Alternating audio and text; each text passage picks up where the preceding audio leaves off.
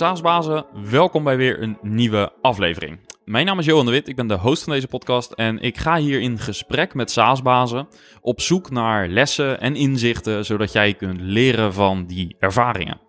En ben je zelf ook SaaS-baas en wil je onderdeel worden van de community en bijdragen aan de groei van de community, word dan lid. Voor 300 euro per jaar steun je deze podcast en community en krijg je toegang tot de tweewekelijkse meetup. Ga naar saasbazen.nl voor meer info. En eerst gaan we even naar een uh, update van onze sponsor Lead Info. Want wil jij weten welke bedrijven jouw website bezoeken? Probeer dan Lead Info, een SaaS-oplossing waarmee je ziet wat er op je site gebeurt.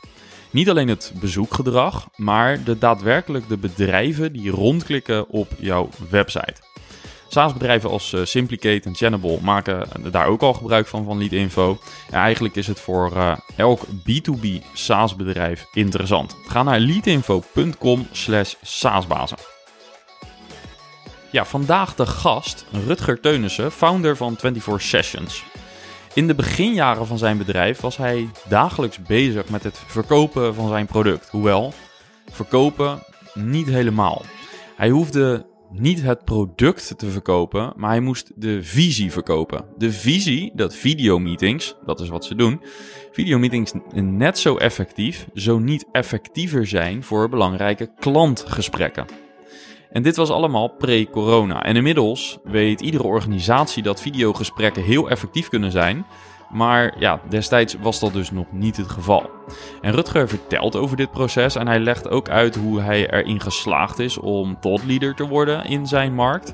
En hij legt uit hoe de overname door MessageBird eerder dit jaar moet gaan bijdragen aan verdere groei. We gaan eh, naar het gesprek. Enjoy!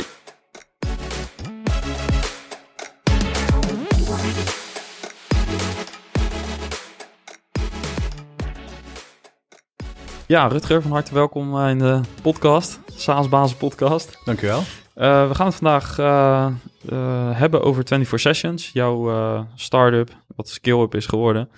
Um, en uh, voordat we dat doen, uh, ik ben even teruggegaan naar 2015 in uh, mijn voorbereiding toen ik aan het inlezen was. toen was je op een gegeven moment starter van de maand bij Dutch Cowboys. Ik weet niet of je dat nog kan herinneren. Zou zomaar kunnen, ik weet het niet meer. Nee. en daar vond ik een tekst en één zin die vond ik wel interessant. daar stond, dus hebben we het over vijf, zes jaar geleden. eigenlijk wil ik de grootste virtuele adviesorganisatie ter wereld worden. Kun je ons vertellen of dat gelukt is?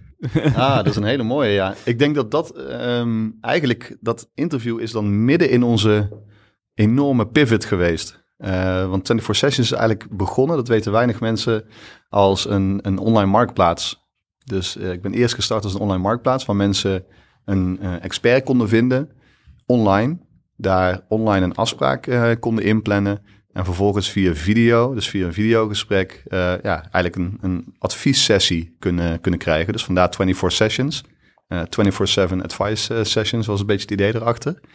Um, alleen die marktplaats, ja, dat, dat, dat liep goed aan de aanbodkant, maar niet echt aan de vraagkant. Dus het was heel moeilijk om daar echt ja, gewoon goed te monetizen. Um, toen was ik in die tijd was ik ook zelf een huis aan het kopen voor de tweede keer in mijn leven. Dus ik had hypotheekadvies uh, had ik nodig. En uh, hoe dat bij de bank toen ging, was ik moest tussen 9 en 5 moest ik naar het callcenter bellen. Moest ik eerst een kwartier in de wacht, uh, in de wacht staan. Um, en dan kreeg ik iemand te spreken en dan kon ik telefonisch een afspraak plannen om over een week ergens op een donderdagmiddag face-to-face bij de bank op kantoor dat hypotheekgesprek te gaan doen. En toen dacht ik, ja, hey, dat is eigenlijk super irritant. Want ik wil gewoon zelf dat gesprek kunnen plannen online. Dat kan eigenlijk al op mijn marktplaats. En ik wil dat gesprek gewoon via video kunnen doen, want ik ben veel onderweg. Uh, ik heb uh, net een kindje gekregen toen de tijd. Uh, dus waarom kan ik dat niet gewoon vanuit huis doen? Dus toen hebben we een, een pivot gemaakt om er eigenlijk een SaaS-model van te maken. Dus de, de software die we hadden ontwikkeld, eigenlijk in te zetten om organisaties te helpen om uh, hun klanten eigenlijk op een, op een vernieuwende manier te spreken. Ja, en dan heb je eigenlijk al een beetje geïntroduceerd waar jullie vandaag staan. Uh, ja. Kan je uh, nog wat verder toelichten wat jullie platform precies doet en voor wie? Ja, wij zijn een, een klantcontactplatform, zoals er best wel veel zijn tegenwoordig. maar wij focussen ons echt vanaf dag één op de hoogwaardige gesprekken. Dus echt eigenlijk de gesprekken waar organisaties hun geld verdienen. Dus vaak sales, advies, dat, soort, dat soort gesprekken. Um, en dat doen we dan via videogesprekken. Uh, dus wij doen niet chat of chatbots of, of sms of telefonie. Maar eigenlijk, wij helpen organisaties om de transitie te maken van face-to-face. -face, bijvoorbeeld het hypotheekgesprek wat mensen kennen van de bank. naar een videogesprek. Ehm, dat is in essentie wat we zijn. En voor wie doen we dat? Nou, banken had ik al even genoemd.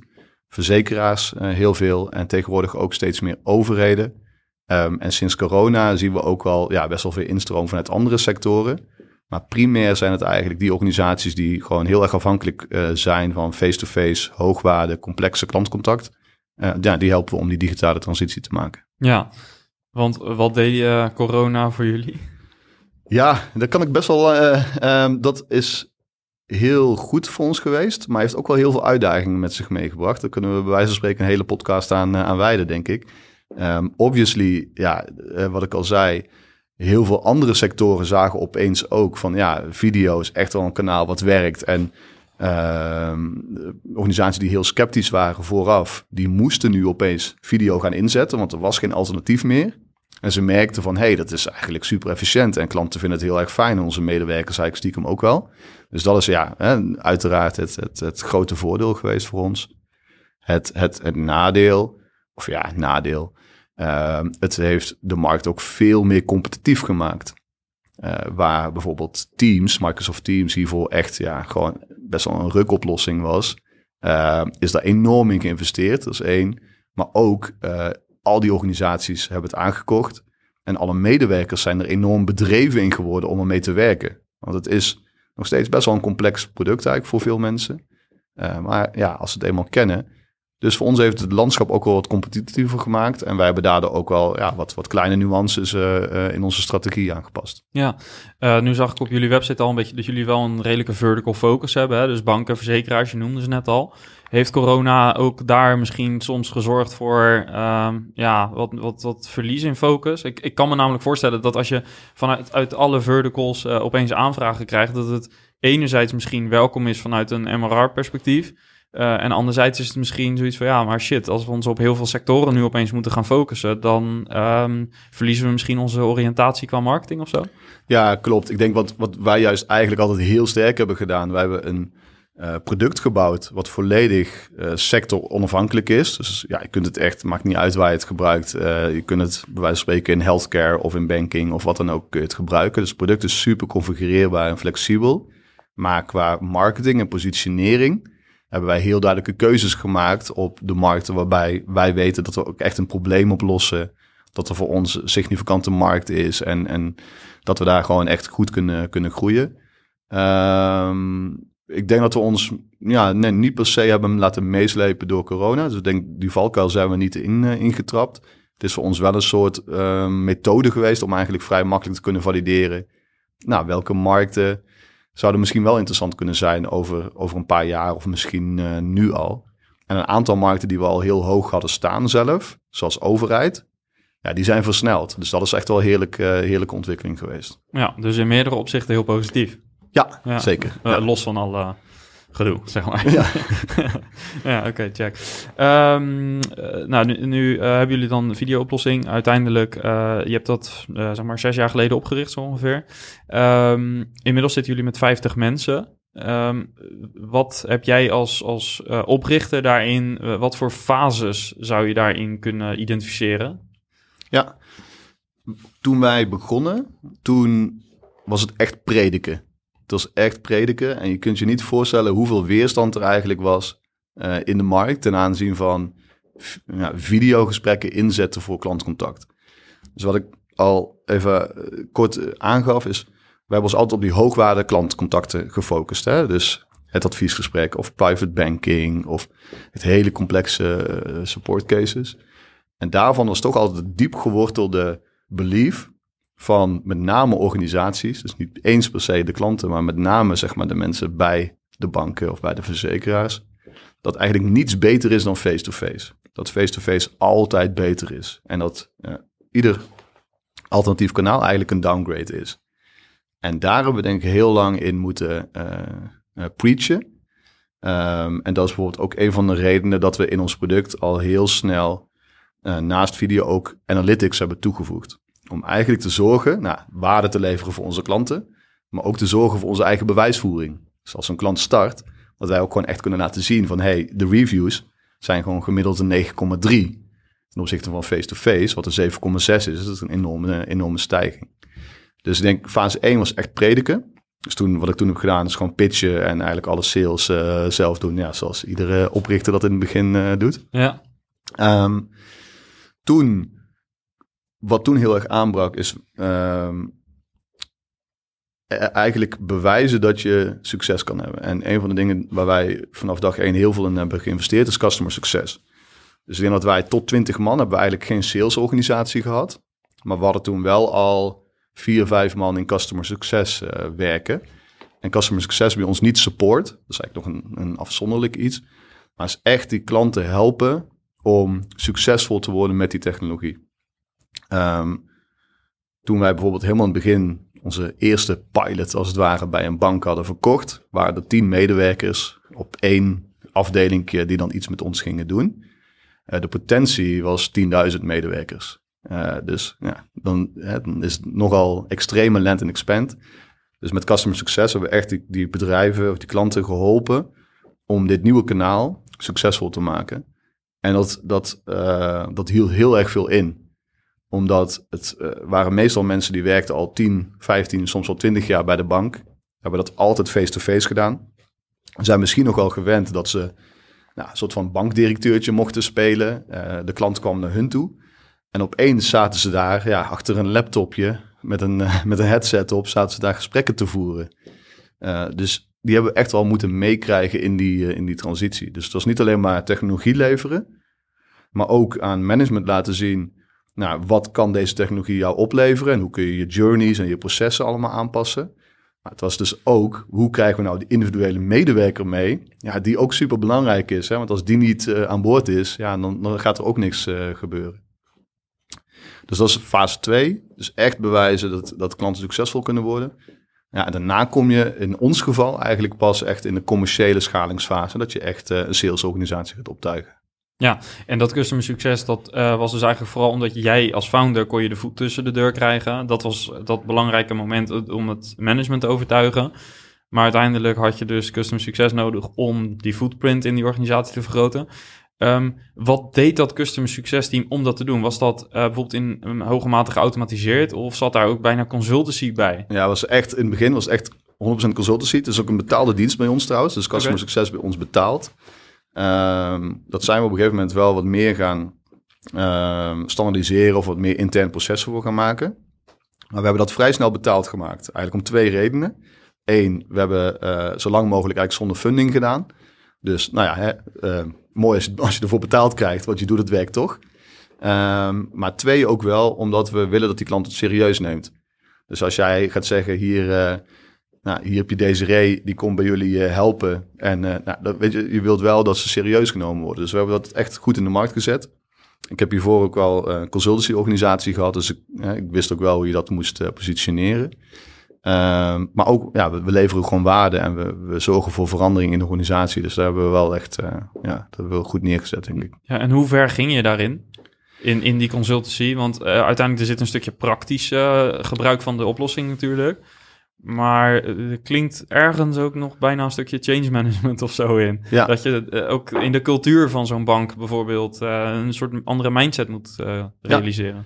Kijk, zeker in het begin toen eigenlijk iedereen tegen was, behalve een paar innovatie-champions in zo'n organisatie. Ja, was echt cultuurverandering. En dat doe je denk ik door een combinatie van je product. Uh, dus ervoor zorgen dat je echt gewoon een heel goed product hebt. En, laat, en ervoor zorgen dat het product eigenlijk de data oplevert waar, wij, waar zij op kunnen sturen. Zodat ze echt stuurinformatie krijgen om beslissingen te nemen. Dat is één. Maar twee ook gewoon met customer success, maar ook ikzelf ja, gewoon echt eigenlijk, ja, zeker in het begin, gewoon alles doen wat er nodig is om ervoor te zorgen dat het slaagt. Dus wij zijn, um, dat hebben we nu al heel lang niet meer gedaan, dat hoeft niet meer gelukkig. Maar aan het begin dan starten we wel eens met een pilot en dan hadden we iedereen uh, getraind en ze hadden er allemaal zin in. En dan drie weken verder had er nog niemand ook maar één gesprek gevoerd bijvoorbeeld. Hè? Dat is in het begin zo, want het hing allemaal van die adviseur af en Het was nog niet geïntegreerd in de customer journey. Dus dan gingen we een, uh, een jumpstart day gingen we doen. Dus dan gingen wij daar ter plekke op die afdeling zitten. En gingen we gewoon gesprekken meeplannen met hun. Om er maar te voor, voor te zorgen dat ze die eerste paar gesprekken overgingen. Want wij zagen ook weer uit onze data dat als zo'n adviseur drie, vier gesprekken heeft gedaan, dat die eigenlijk al bijna om is. Dus dat aha-moment moest je gewoon zien te bereiken. Dat was de belangrijkste milestone en daarna verkoopt het de rest wel. Ja, exact. Ja. want de voordelen uiteindelijk zijn zo extreem, bijna irrationeel hoog uh, van dit kanaal ten opzichte van face-to-face op eigenlijk alle vlakken. Voor de klant, voor de organisaties, ook voor die medewerker. Uh, maar je moet wel die drempel over. Ja, ja, en ik kan me ook nog voorstellen dat misschien sommige... Uh, ja, het lijkt mij heerlijk, hè, vooropgesteld... dat je dat, de, zulke nieuwe technologieën kunt inzetten om je klanten beter te helpen.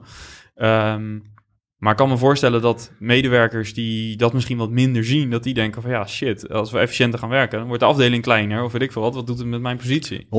Wij hebben letterlijk trainingen gehad... Uh, die we toen face-to-face -face gaven... waar gewoon ja, mensen zeiden van ja, uh, ik wil hier helemaal niet aan meewerken. Want ik heb al vijf reorganisaties uh, heb ik achter de rug. Als ik dit ga doen, ja, ik weet al waar het toe gaat leiden. Dat ga ik niet doen. Of uh, wat we ook deden, toen hadden we geleerd, oké, okay, er zit wat negatief sentimentpotentieel. Toen hebben we vooraf een intake gestuurd met hoe comfortabel voel jij je met deze verandering. Dan gaven mensen gewoon een één. Weet je wel, niet eens een beleefde drie of vier of vijf, maar gaven mensen gewoon een één. dus ja. En dan moet je er nog naartoe. ja. Dus daar moesten we wel doorheen breken. Um, en ik denk, uh, waar ik sowieso wel in geloof, al die frictie, al die weerstand, heeft er wel voor gezorgd dat we nou, echt heel goed die klant zijn gaan begrijpen, weet je wel. En dat we ook echt, we moesten eh, goed worden hierin. We moesten dit leren.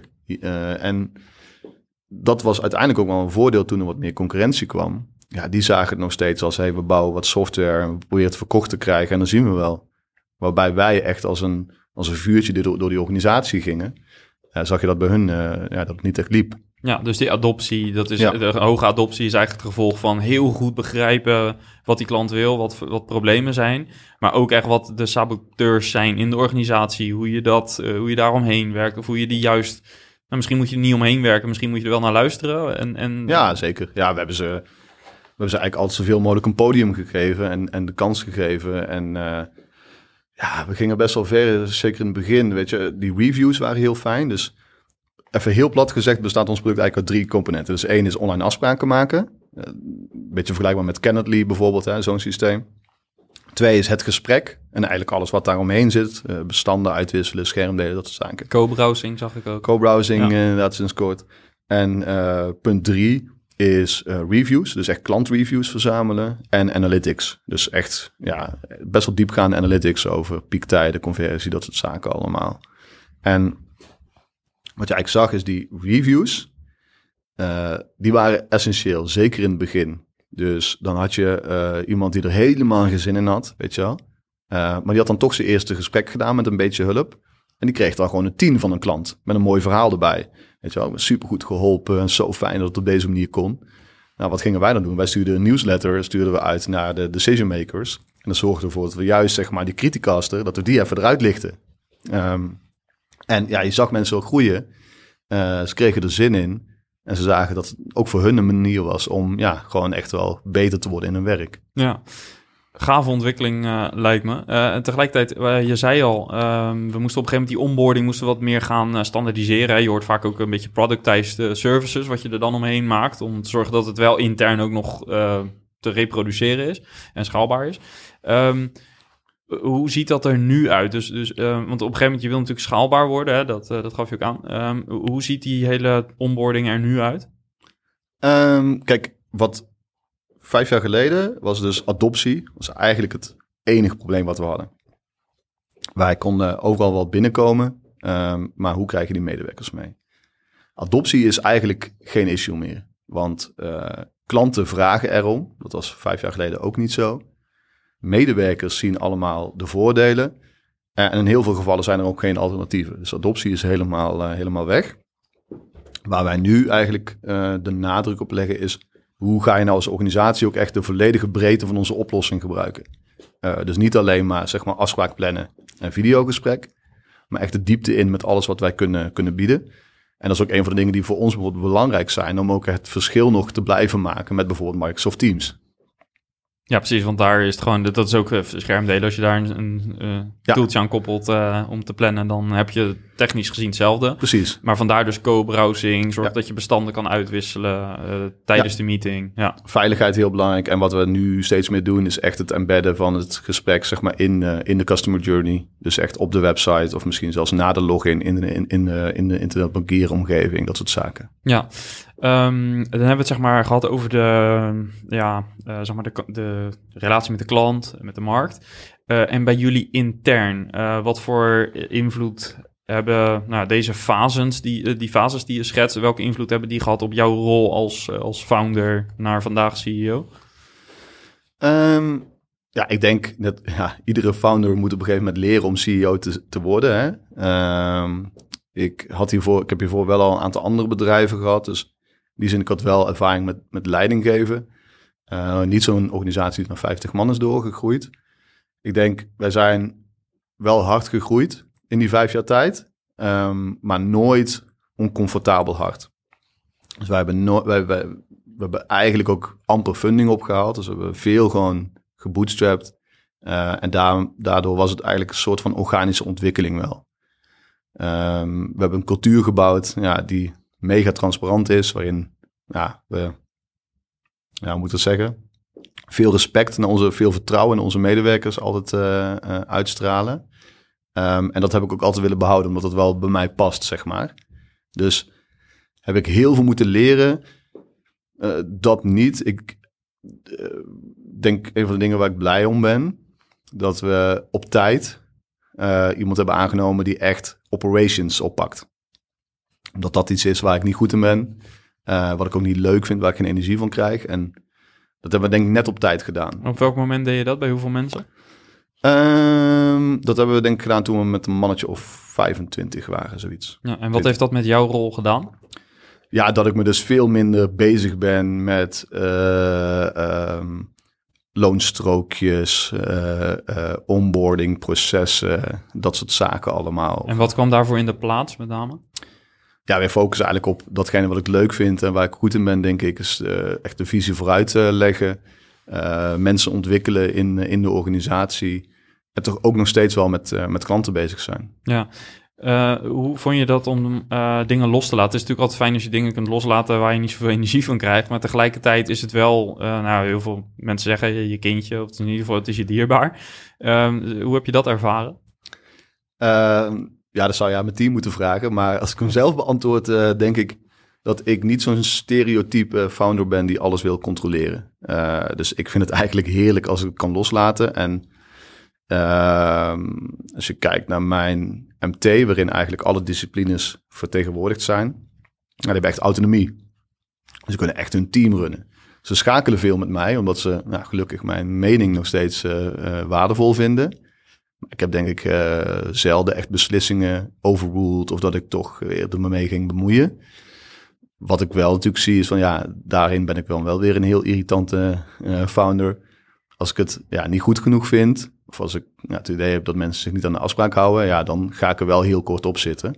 Maar ook om een soort van ja, de standaard neer te leggen, zeg maar. Ja, en uh, jullie zijn dan uh, recent overgenomen door uh, MessageBird of onderdeel geworden van. Ehm, wat heeft ehm, die keuze, ja, wat heeft geleid tot die keuze? Ja, nou kijk, wij waren eigenlijk een soort single channel platform. Hè? Dus we waren een klantcontactplatform, maar eigenlijk voor ja, die, die hoogwaarde klantcontacten, videogesprekken.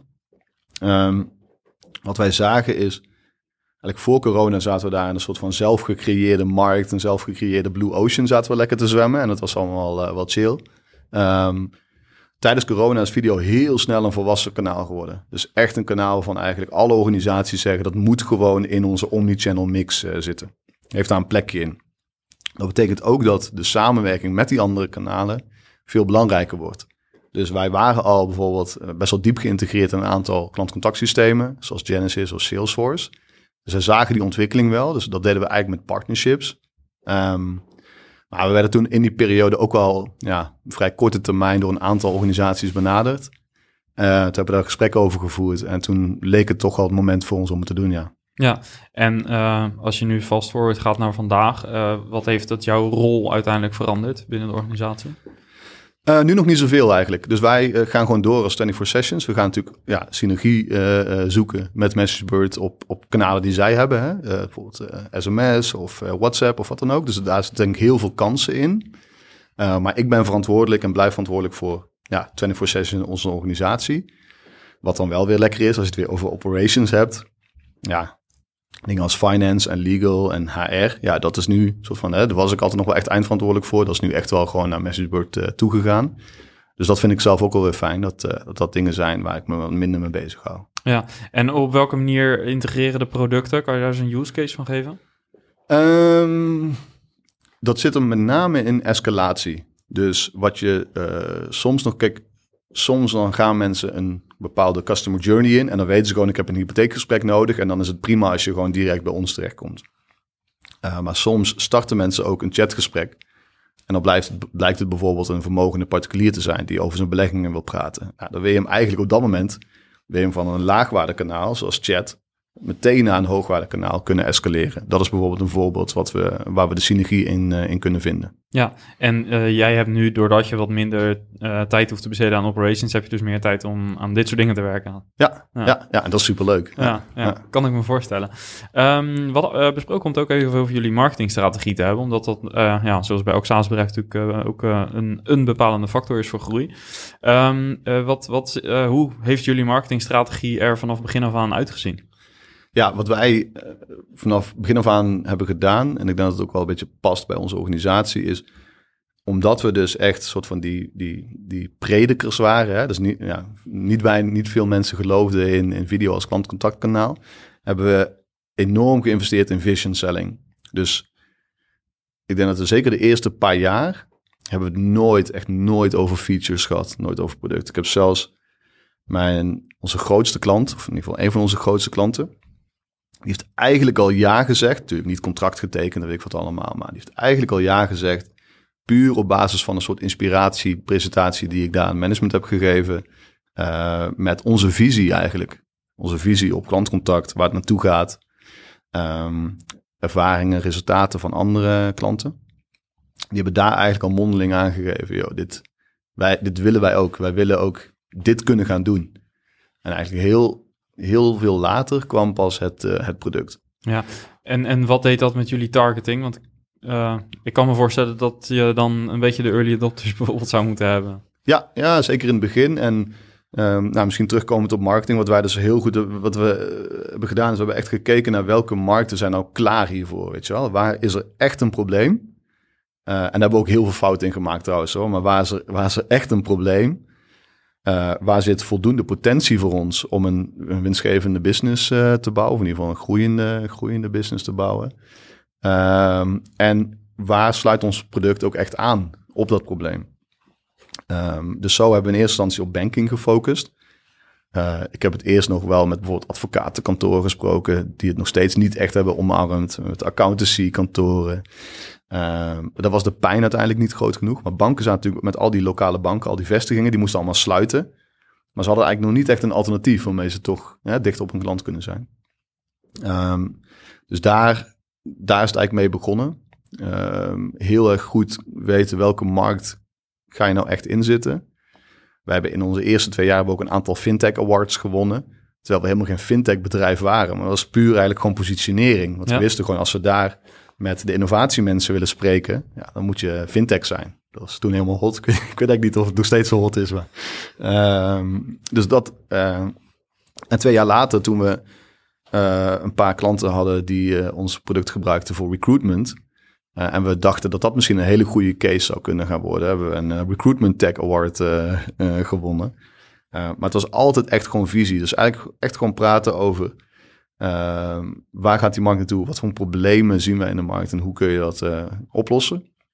Het product komt eigenlijk daarna. Ja, en dat deed je dan als je bijvoorbeeld met CEO of met management aan tafel zat. Uh, maar hoe deed je dat in, echt in marketing? Dus meer, zeg maar, je hebt one-to-one, -one, meer sales. Um, en het one-to-many. Dus hoe bracht je de boodschap naar buiten, zodat je ja. dat ook op grotere schaal kon doen? Um, nou, sowieso de manier waarop je je website insteekt. Hè? Dus begin je meteen over je product of ga je echt in solutions uh, praten of in verticals en industries. Uh, heel veel publiceren. Dus uh, veel ook echt goede blogartikelen schrijven. Dus niet alleen maar blogartikelen omdat ze lekker ranken qua, qua SEO. maar echt gewoon goede, goede inhoud schrijven. organisaties bij elkaar proberen te brengen via roundtables of events, dat soort zaken. Um, dus content marketing, events. Ja, ja, best wel eigenlijk allemaal best wel een soort van langdurige, langdurige investeringen. Uh, om uiteindelijk gewoon de thought leader te zijn. Dus wat wij wilden is, als een organisatie op een gegeven moment besluit, hey, ja, ik wil iets met uh, video voor klantcontact, ik wil daar iets mee doen, dat ze op zijn minst met ons gaan praten, omdat ze gewoon interessante content van ons hebben gezien. Dan hoeven ze nog niet te denken, ik word daar klant, maar dat ze op zijn minst zoiets hebben van, oh ja, die ga ik even uithoren, want ja, die weten toch wel veel vanaf. Ja, nou hadden we het in het voorgesprek, hadden we het hier eventjes over. En toen zei je al, ja, ik heb daar best wel een andere kijk op. Uh, en, want ik ben niet per se van de growth hacks, zeg maar. Um, al zou je um, een advies moeten geven aan uh, SaaS-bedrijven die, of SaaS-bazen die luisteren. Um, ja, wat kan je vanuit jouw ervaring delen, ook als uh, ervaring als marketing, als marketeer, voordat je met dit avontuur begon? Um, wat zou je in de, in de kern je advies zijn om een SaaS-bedrijf te vermarkten? Zorg dat je ergens echt de beste in bent. Dus zorg dat je oprecht gewoon ergens echt de beste in bent en ergens echt het meeste van af weet dat dat, dat het is. En probeer dus niet te veel tegelijk te doen, maar probeer ja, gewoon echt in de kern echt die markt te snappen. Uh, echt uh, je product zo te ontwikkelen dat het gewoon super strak is. En dus niet te veel willen, niet te veel willen doen. Ik denk dat. Um, en twee, probeer ook.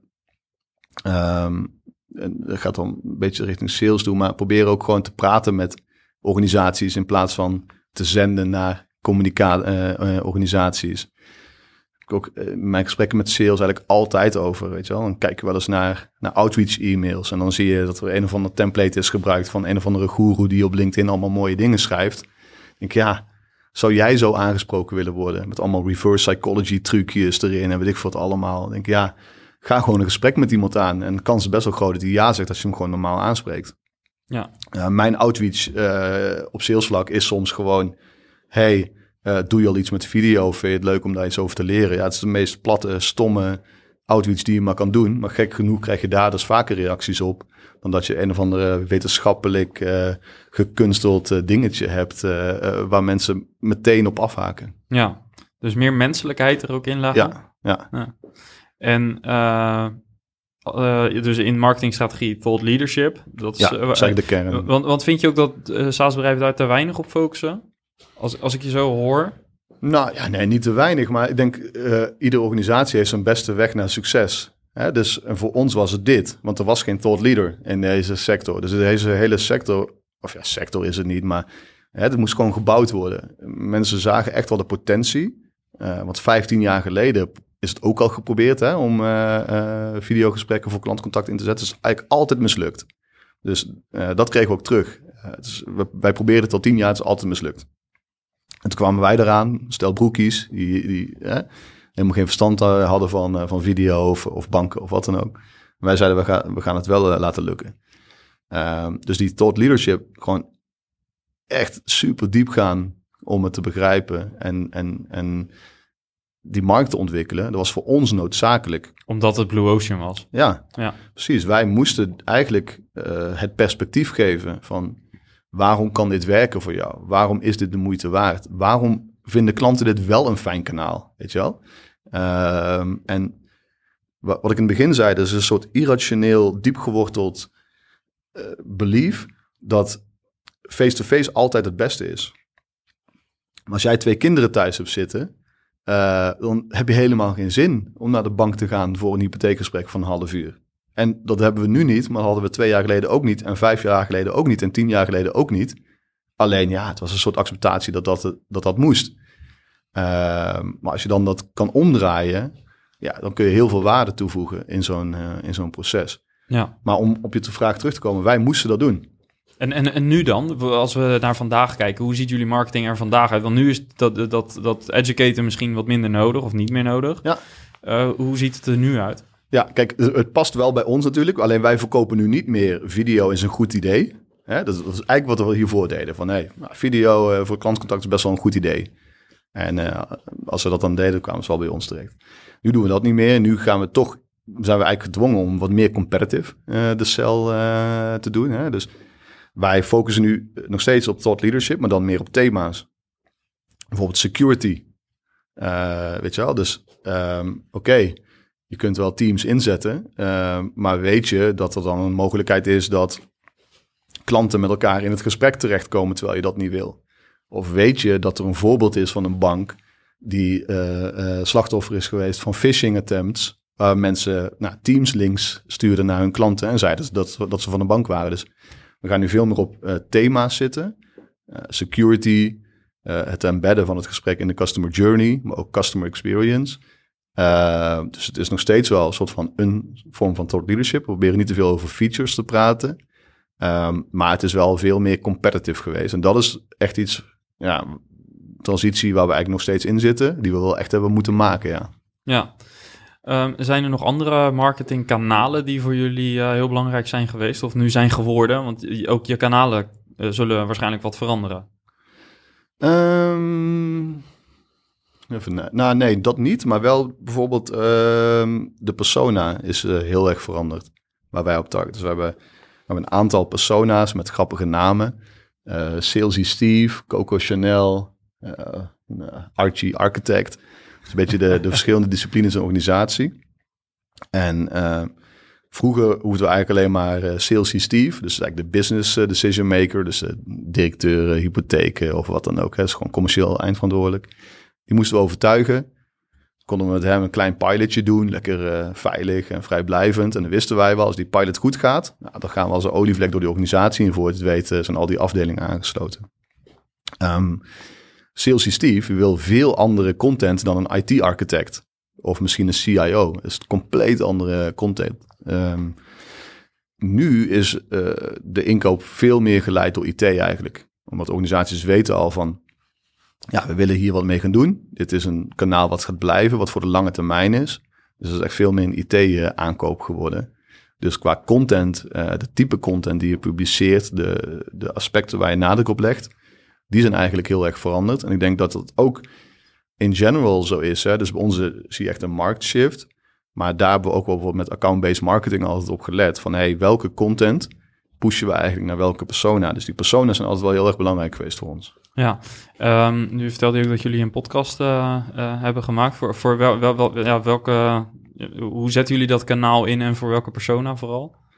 Ehm, ja, die podcast is ook eigenlijk gewoon thought leadership. Dus wat wij daarin doen is wij eh, nodigen enerzijds industry leaders eh, nodigen we uit om gewoon over dit thema te praten. En dan ontlokken we ze een paar uitspraken over video. En nou, die uitspraken gebruiken we dan vervolgens eh, weer. Maar we doen het ook om onze klanten of zelfs prospects uit te nodigen. Om ja, te praten over hun ervaringen met dit kanaal. Ja, dus het is ook een netwerktool in die zin. Dus netwerk, het is, ehm, ehm, Autoriteit. het is een soort case study in een andere vorm eigenlijk. En, Ja. en case studies zijn organisaties toch vaak een beetje huiverig voor. Hè? Dat moet allemaal contractueel geregeld worden, eh, dat ze daaraan meewerken. Maar een podcast, ja, dat vindt iedereen gaaf om te doen. Dus, Ja. eh, ehm, en een podcast, ja, ik bedoel, je krijgt gewoon drie kwartier om met een klant te praten over wat hij fijn vindt aan je product of wat hij misschien nog in de toekomst wil zien. eh, waar de markt naartoe gaat. Het is heel inspirerend ook om eh, dat dan weer door te sturen naar organisaties in het buitenland waar je mee in gesprek bent, die nou, misschien wat achterlopen op Nederland. Dus je zegt van, hé, hey, luister eens even naar, eh, naar deze meneer. Die is drie jaar geleden met dit proces begonnen. Ja, die staan inmiddels zo ver, is echt leuk om te horen. Dus het is ook weer een soort, ja, content, eh, maar ook een salesmiddel eigenlijk. Ja. Ehm, als we een beetje vooruitkijken, waar eh, droom jij zelf van? Dus wat, wat zou die volgende fase moeten gaan brengen? Ehm, ja, wat ik natuurlijk super interessant vind op MessageBird is dat het is een wereldwijde organisatie. Um, en gek genoeg zijn ze in Nederland misschien wel kleiner dan in heel veel andere landen. Bijvoorbeeld uh, Azië zijn ze echt heel groot, Latijns-Amerika. En dat is voor ons natuurlijk een heel mooi vehikel. Dus wij hadden ook, we hadden eigenlijk de keus, gaan wij zelf een hele grote ronde ophalen. En gaan we een soort wereldwijd uh, salesorgaan zelf optuigen. Of gaan we kijken, um, laten we aanhaken bij een strateeg die ons eigenlijk op die manier die versnelling kan geven. Dus uh, ja, daar heb ik wel heel veel zin in, ja. Dus internationalisatie is Ja. een belangrijk thema. Ja, Ja. zeker. Want hoe internationaal waren jullie daarvoor? Maar relatief niet. Dus wij, eh, we hadden eh, en hebben trouwens ook eh, niet zo heel veel klanten. Ik denk op dit moment een stuk of 50 klanten eigenlijk. Ehm, al die klanten zijn wel allemaal echt grote klanten. Maar de meeste zitten gewoon in Nederland, België en de UK. En dan zitten er her en der nog wat outliers in andere landen en andere regio's. Ja. Dus er is echt nog een wereld te winnen, ja. En hoe gaan jullie die, dat salesproces inrichten samen met MessageBird? Ja, daar zijn we nog een beetje aan het uitden- uitdenken eigenlijk hoe dat eh, precies gaat zijn. Dat, daar zijn we nog niet over uit. Kijk, er zit natuurlijk heel veel ehm, ja, potentie om dat meteen wereldwijd te gaan schalen. Tegelijkertijd blijft video nog steeds wel een lastig kanaal. Eh, video is niet eh, een sms'je sturen wat je één keer inregelt en dan werkt het gewoon. Dus iets van subject matter expert, zoals we dat noemen, dat, dat zal nog wel blijven. Hoe we dat precies gaan inrichten, dat weten we eigenlijk niet. Nee. Oké, eh, en voor jou persoonlijk? eh, wat, eh, ja, je zei al, mijn rol gaat niet per se heel erg veranderen door de overname van MessageBird. Maar als je meer internationaal gaat werken, ehm, hoe gaat jouw rol er dan op dat vlak uitzien? Ja, ik, ik denk dat ik dus... ehm, ja, dat is een beetje gokken, maar primair wordt mijn doel natuurlijk om ja, video... Ja, gewoon een, echt een groot, belangrijk kanaal te maken binnen, binnen MessageBird. Ehm, en eh, daarin zal ik, denk ik, gewoon het gezicht van video eh, binnen die organisatie zijn. Ja, check. Ehm, ik zou eigenlijk eh, willen afsluiten met de vraag of je nog specifieke tips hebt voor SaaS-bazen die luisteren, die eigenlijk in zo'nzelfde situatie zitten. Dus die zitten eigenlijk in een markt waarbij ze best nog veel tijd nodig eh, lijken te hebben om te educaten. Een beetje eh, Blue Ocean principe. Ehm, los van de tips die je gegeven hebt, zijn er nog andere dingen als je nu terugkijkt naar het proces die je wellicht eh, zou kunnen meegeven, die je anders gedaan zou hebben? Ehm, nou, kijk, ik heb gezegd dat je moet focussen. en ik denk dat we dat redelijk goed hebben gedaan. Maar ook wij zijn echt in het begin nog wel te breed gegaan. Dus ik zou echt willen, willen adviseren van... Zorg ervoor dat je succes hebt. Eigenlijk succes, want hè, bekende quote... eh, revenue solves all problems of growth solves all problems. Voor mij was het echt succes. eh lost eigenlijk alles op. En eh, revenue of groei, die komen in mijn ogen daarna wel. Uh, want uh, revenue en groei kun je ook kopen. Hè? Ik bedoel, zeker nu, je kunt uh, vrij makkelijk nu een, een grote ronde ophalen. Um, ik ben dan zelf meer van, oké, ga echt succesvol zijn. En ga echt succes realiseren voor je klant, ook al is het nog klein. Want dat is gewoon je motor voor je bestendige groei, zeg maar, naar de toekomst uh, toe. Ja, en wat ik uh, er ook heel erg uithaalde in het begin van het gesprek al...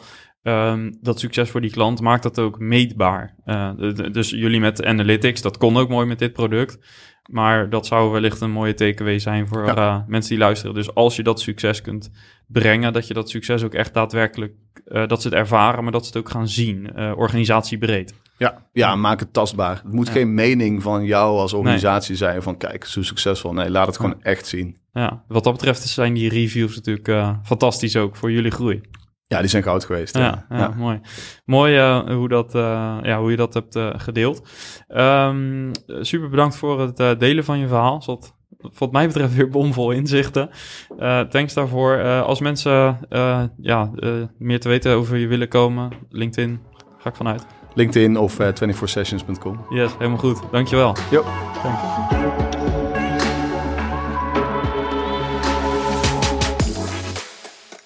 Yes, en tot zover dus uh, mijn gesprek met Rutger. Wil je meer van dit soort uh, inspiratie opdoen? Word dan lid van de community. Zoals in het intro gezegd, voor uh, 300 euro per jaar steun je de podcast en de community. En krijg je dus niet alleen toegang tot uh, deze podcast, die openbaar is, maar ook tot de tweewekelijkse meetup, waar we ja, allerlei onderwerpen bespreken die voor jou als SaaS-baas relevant zijn. Denk aan funding, internationalisatie, marketing, sales en uh, allerlei andere thema's dus. En natuurlijk, uh, ja, altijd leuk als je deze podcast wilt delen met een SaaS-baas uit je netwerk of een uh, review wilt achterlaten. Tot volgende week. Ciao, ciao.